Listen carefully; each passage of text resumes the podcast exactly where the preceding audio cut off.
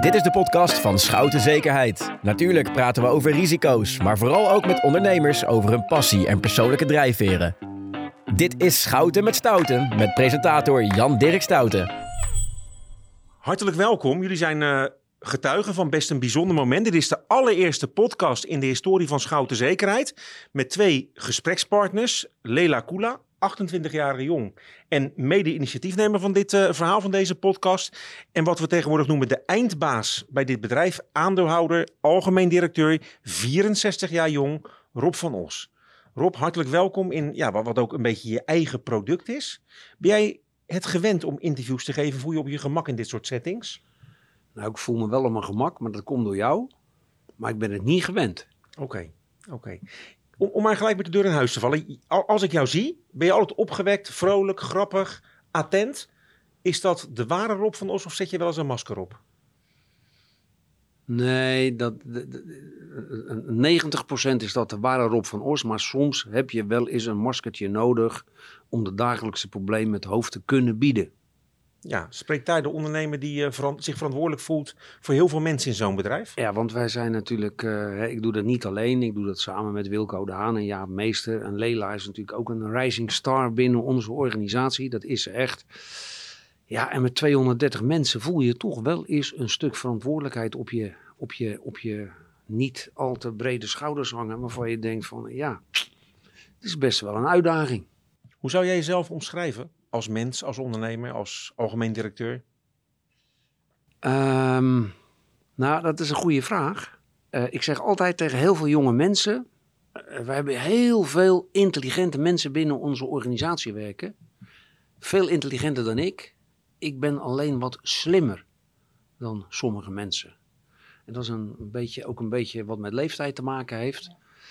En um, ja, dat moet je gedurende de tijd moet je dat een beetje leren. En dat heb ik de afgelopen 20, 25 jaar heb ik dat wel uh, mogen leren. Ik heb een mede-aandeelhouder die me daar ook een beetje bij geholpen heeft uh, om je ja, uh, ja, ja, daar een beetje in te bekwamen. En, maar je moet het wel eerlijk doen. Ehm, ik maak fouten genoeg, maar niemand kan mij erop betrappen. Als ik iets beloof, kom ik het ook waar kom ik zo op terug. Lela, hoe is het om door de eindbaas uh, Rising Star genoemd te worden? Want dat deed hij net. Ja, dat is fantastisch. ja, dat is hartstikke leuk om te horen. Wat betekent dat voor jou? Uh, gezien worden, uh, waardering krijgen. En uh, dat voelt voor mij natuurlijk hartstikke fijn. Want uh, als jong professional, om even zo te zeggen, ben ik ook. nou, ik heb heel veel commitment ook naar de organisatie. En ik werk hier met ontzettend veel plezier. Dus als je dat dan terugkrijgt van de eindbaas, dan weet je dat het twee kanten op werkt. Waarom maken we deze podcastserie eigenlijk? Ja, dat is een heel leuk verhaal. om het maar even over commitment te hebben. Want nou ja, daar heeft het eigenlijk wel mee te maken. Um, de organisatie die wilde graag nou, in het kader van lef tonen door de medewerkers een initiatief uh, hanteren om te kijken van oké, zijn er medewerkers die graag naar voren willen treden met een idee. Dus zij hebben een uh, Dragons Den uh, verzonnen en dan de Dragons met SZ van Schouten Zekerheid. En daar mochten medewerkers een idee pitchen. Nou, mijn collega Celine Boswijk en ik hebben de, de podcast, de Schouten Zekerheid podcast gepitcht. En die hebben we dus uiteindelijk gewonnen. En waar we echt ontzettend trots op zijn, is dat uh, iedereen een PowerPoint-presentatie had gemaakt. En wij stonden daar echt met een flip over te presenteren. En toen viel die ook nog van, van het bord af waarop we hem hadden vastgeplakt. Dus op een gegeven moment moesten we ons de beurt zo vasthouden. Dus het was nogal een knullige presentatie. Maar desalniettemin gewonnen. Dat jouw generatie überhaupt nog weet wat een flip over is. Ja, ja, ja, dat weten we wel. Ja, die staat hier ook nog. Rob, raak ik met die, ja grappig wat het ook is, bedoelde vraag, een beetje de kern van wat, wat ook jou bezighoudt. Dat je, dat je je omringd bent met allerlei jonge mensen in dit bedrijf. Ja, dat klopt, want die uh, flip over. En ik heb natuurlijk van dit soort incidenten heb ik natuurlijk gehoord. En het is natuurlijk wel leuk hè, dat uh, door de, de, de pure presentatie van de dames ze toch hebben gewonnen. Maar het is wel leuk dat je je omringt met hele uh, jonge mensen, die, want die, ja, die zien de wereld toch heel anders. Daar heb ik ook een beetje aan moeten wennen. Uh, maar ze brengen je wel verder. En ze zorgen dat je na blijft denken, dat je, je moet innovatief uh, erbij blijven, anders raak je de weg kwijt. En dat wil ik niet. Je, je, zegt, ik heb er wel aan moeten wennen. Dat, dat zie ik ook aan je gezicht. Dit is een podcast, maar ik zie het aan je gezicht, Rob. Ben jij van nature een conservatief mens? Ja, een beetje wel. Ja? Maar er zijn zoveel mensen om me heen die mij helpen om dat niet te veel te zijn. En wie zijn die mensen? Nou ja, er zitten er hier toevallig een paar aan tafel. Eh, maar ja, we hebben natuurlijk Wilco, eh, Piet Heijn, eh, Daniel, Lela, Celine, ja, nog, een- nog een aantal. En dat houdt je scherp. Anders ben je, ja, dan, dan verval je toch te snel in, ja, is geen mooi woord, maar toch duidelijk Nederlands, toch een beetje in oude lullen praat. En ik heb van mijn echtgenote ook geleerd, vroeger was alles beter. Nee, vroeger was niet alles beter. Eh, met, met de jeugd van tegenwoordig en, en de mix eh, kom je veel verder. Heb je een leuke echtgenote trouwens? Ja, die is Duits. Dat kan ik iedereen aanbevelen. Want? Nou ja, dat zijn gewoon eh, hele leuke vrouwen. Ik weet niet zo goed wat ik me hierbij moet Ja, wat, voorstellen. ja, wat, wat is dit nou voor een antwoord, Lela? Wat kunnen we hier nou mee? Nou, als niet-Duitse vrouw weet ik ook niet zo goed hoe ik hem moet opvatten. Maar goed, Hij wil eigenlijk gewoon aardige dingen over mevrouw van Os zeggen. Ja, ja dat wil ik graag. Ja. Voordat we in deze podcast praten over risico's nemen als ondernemer en echte zekerheid, wat jullie als Schouten altijd willen brengen als bedrijf. E- Even over, nog jou, over jou persoonlijk, Rob. Wat, wat is jouw passie in het leven? Heb jij één of meerdere passies? Nou, mijn passie in het leven. Eén ken jij heel erg goed. Dat is eh, die club hier op Rotterdam-Zuid. Dat is Feyenoord. Ehm, maar ja, passie. Ja, ik heb niet zoveel hobby's. Ik wil het proberen mensen naar de zin te maken. En, en, en, mijn passie is heel veel succes met Schouten Zekerheid. Dat is mijn passie. Het gaat niet om geld, maar het gaat om succes. En dat is zo leuk.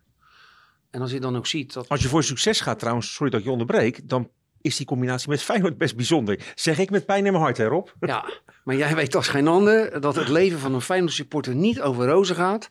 Maar ja, het heeft je gepakt en het laat je nooit meer los. Leiden en jij met een weet lange dat ei. als Ja. geen ander. Wa- wa- wat raak je in die club? Dat ze een enorme, enorme achterban hebben. Dat alle mensen die ik dan weer eh, eh, in het stadion ziet zitten, ja, die dan denken van, nou, vandaag gaan we er weer voor. En vaak valt het dan weer tegen, vaak ook niet. Eh, ik zat gisteravond heel even te kijken naar Hamburger SV tegen Freiburg. Halffinale DFB-bokaal in Duitsland. Hamburger SV, 57.000 mensen in de keukenkampioen-divisie van Duitsland. Ja, ja. En, en die club ja, heeft net zo'n uitstraling als Feyenoord, maar speelt toch op lager niveau. Ja, en Feyenoord heeft dat ook. Het is toch, het is toch bizar dat je weet dat zo'n club, die één keer in de 15 jaar kampioen wordt. Misschien ga ik dat nog één keer in mijn leven meemaken. Maar dat die toch zo'n uitstraling heeft, Ja. dat is toch geweldig? Is dit nou wat Rob net bedoelde, Lela, oude lullen praat? ik betrek het ook op mezelf, hè, voor de duidelijkheid. Zeker niet alleen op Rob. Nee, vind ik niet, want ik vind het ook wel voetbalpraat. Dus eh, Mhm. dan ben ik wel een beetje gewend. Ehm, dus nee, en, en wat ik wel leuk vind aan wat Rob net zei over de jongere generatie die hem scherp houdt. eh, en het werkt ook wel de andere kant op. Want ik vind de, de old de old ways, dat heeft ook wel zijn charme. En dat leren wij natuurlijk ook wel weer van Rob en andere mensen in deze organisatie. Wat Dus is dat jouw passie trouwens? Mijn passie. Ja? Oh ja, dat is een hele goede vraag. Maar ik wil graag antwoord. Eh, mijn passie. Eh goed, vind ik lastig te beantwoorden. Wat houdt je bezig in het leven? Wat houdt me bezig? Ik ben eh, zeer gepassioneerd over mijn werk. Ja, dat klinkt een beetje als een inkoppertje. We parkeren de vraag. Je hebt drie minuten de tijd om een spraakmakend antwoord te bedenken. Rob, jij bent ondernemer. Ja. En eindverantwoordelijk voor een heel serieus bedrijf. Een bekend bedrijf binnen en buiten deze regio. Ja. Wat is eigenlijk het grootste risico dat je ooit hebt genomen? Samen met mijn mede-aandeelhouder zijn wij ooit een eh, wild avontuur begonnen in Duitsland. Want ik heb een hele creatieve mede-aandeelhouder. Die heeft geen verstand van de verzekeringsbusiness, maar is wel een fantastische ondernemer. Ehm, hebben wij een, eh, een, eh, een klein bedrijf in Duitsland overgenomen voor een bizar bedrag. En wij hadden een bepaalde filosofie, niches, niches, niches, niches in Duitsland. UEFA, FIFA waren klanten van ons. Ja, ik heb daar geleerd, als je maar vasthoudt aan je filosofie, dan komt het goed. Maar de eerste jaren dachten wij, oh jee, komt dit wel goed, komt dit wel goed. 2001, 2002, 2003, miljoenen ingestopt. Maar uiteindelijk kwam dat toch goed. Dus als je maar ergens in blijft geloven en je hebt de juiste filosofie en de juiste eh, power, dan komt het altijd goed. Voelde het toen als een risico? Ja, je onderneemt hè. En ik ben nog voor een stukje eh aandeelhouder. Maar ik wil geen algemeen verantwoordelijke zijn als ik geen mede-aandeelhouder ben. Want dan loop je het risico niet. En ik vind het juist wel leuk om risico te lopen. En alles bij elkaar maakt het gewoon spannend. En ja, een beetje spanning in het leven maakt het eh, uitdagender. Jij hebt er wakker van gelegen, is een volgende vraag. Nou, ik lig nooit wakker. Maar, Maar, we voelen er maar aankomen. je komt wel eens wat lastiger in slaap.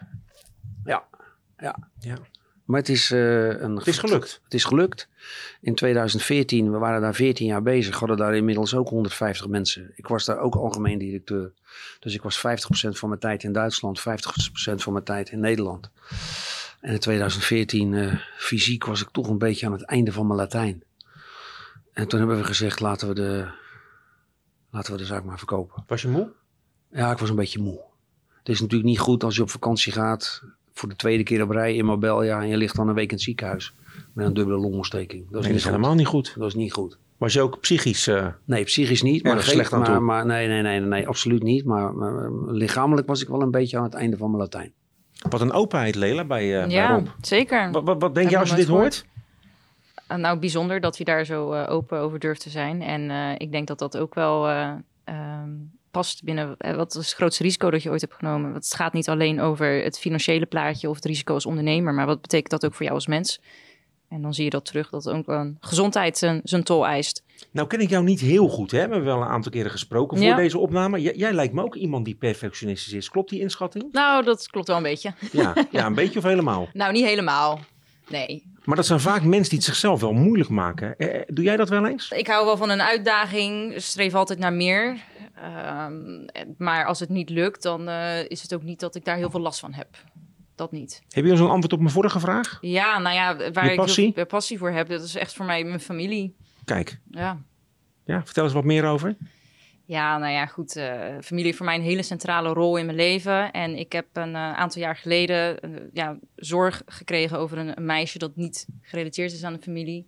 Maar dat is er zo ingerold. En daar heb ik me eigenlijk aan gecommitteerd afgelopen acht jaar. En dat doe ik nog steeds. Daar zorg je voor. Ja, ja, en zij heeft toen tijdelijk bij ons in huis gewoond. Nu niet meer, maar ze heeft nog steeds een hele centrale rol in mijn leven. En ik moet zeggen, zij is ook wel richtinggevend voor, voor mijn leven. Ook nog steeds op dit moment.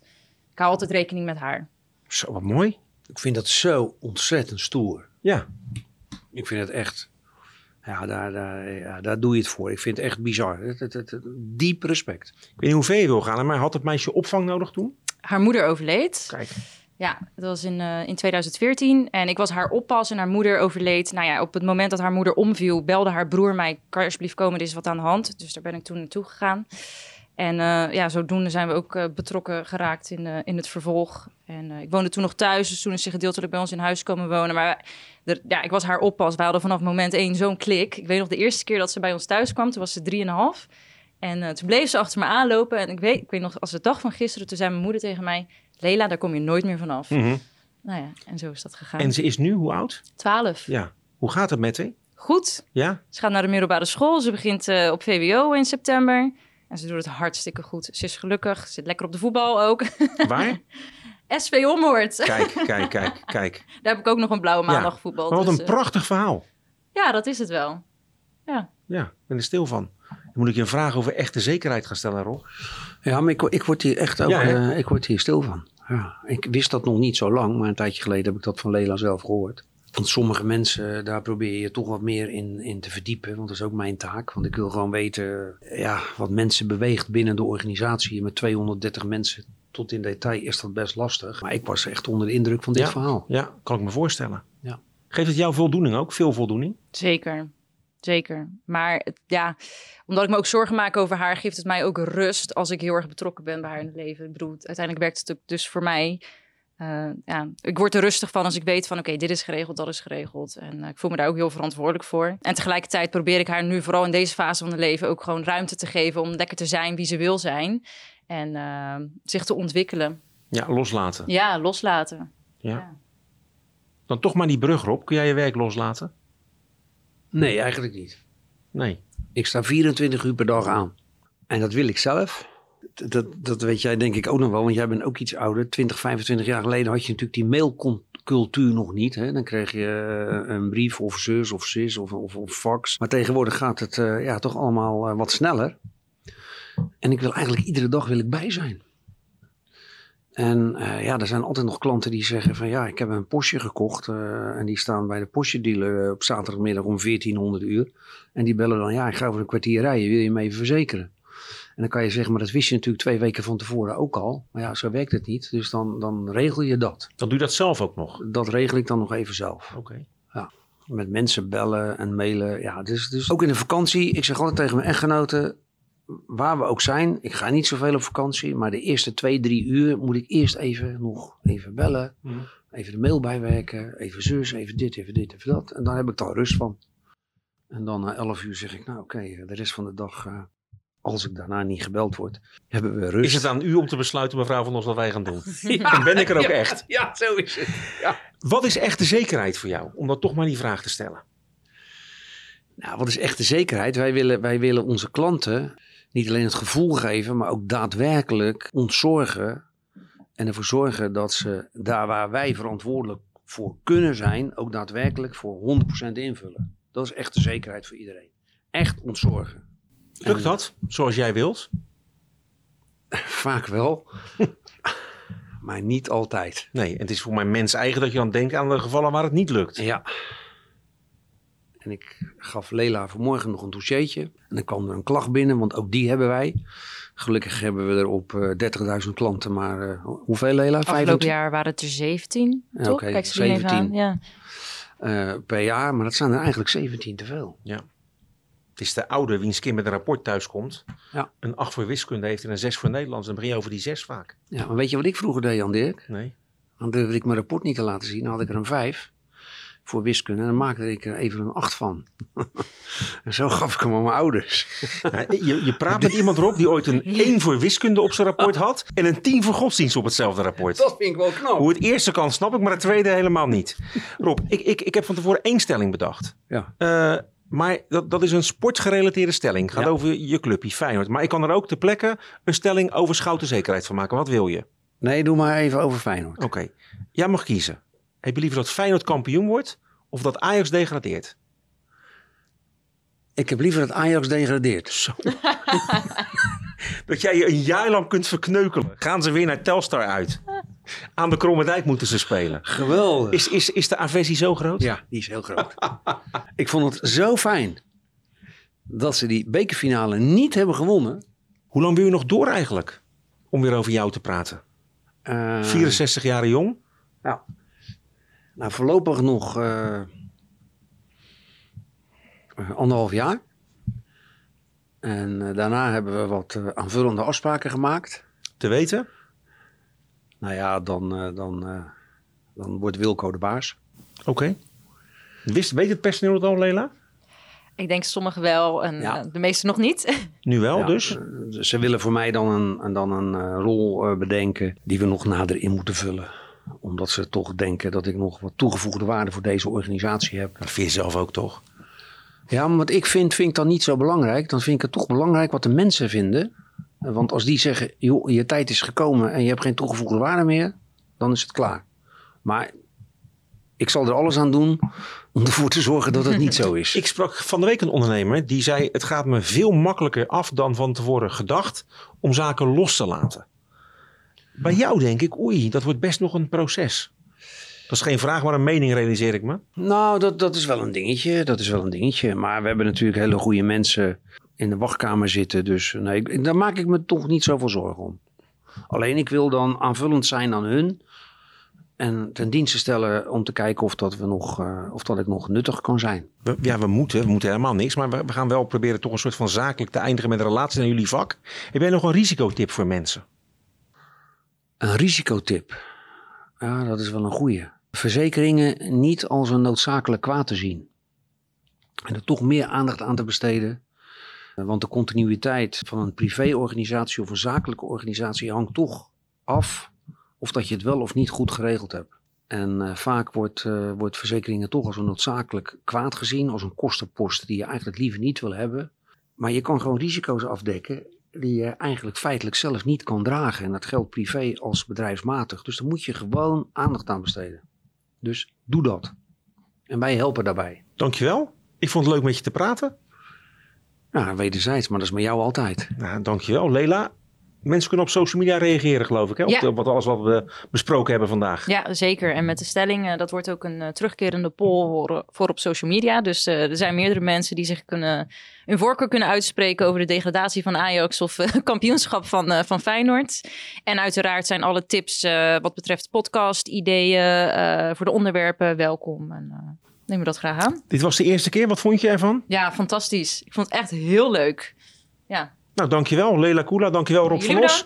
Tot de volgende keer. Dan weer een nieuwe podcast van Schouten Zekerheid. Bedankt voor het luisteren. Graag tot de volgende Schouten met Stouten.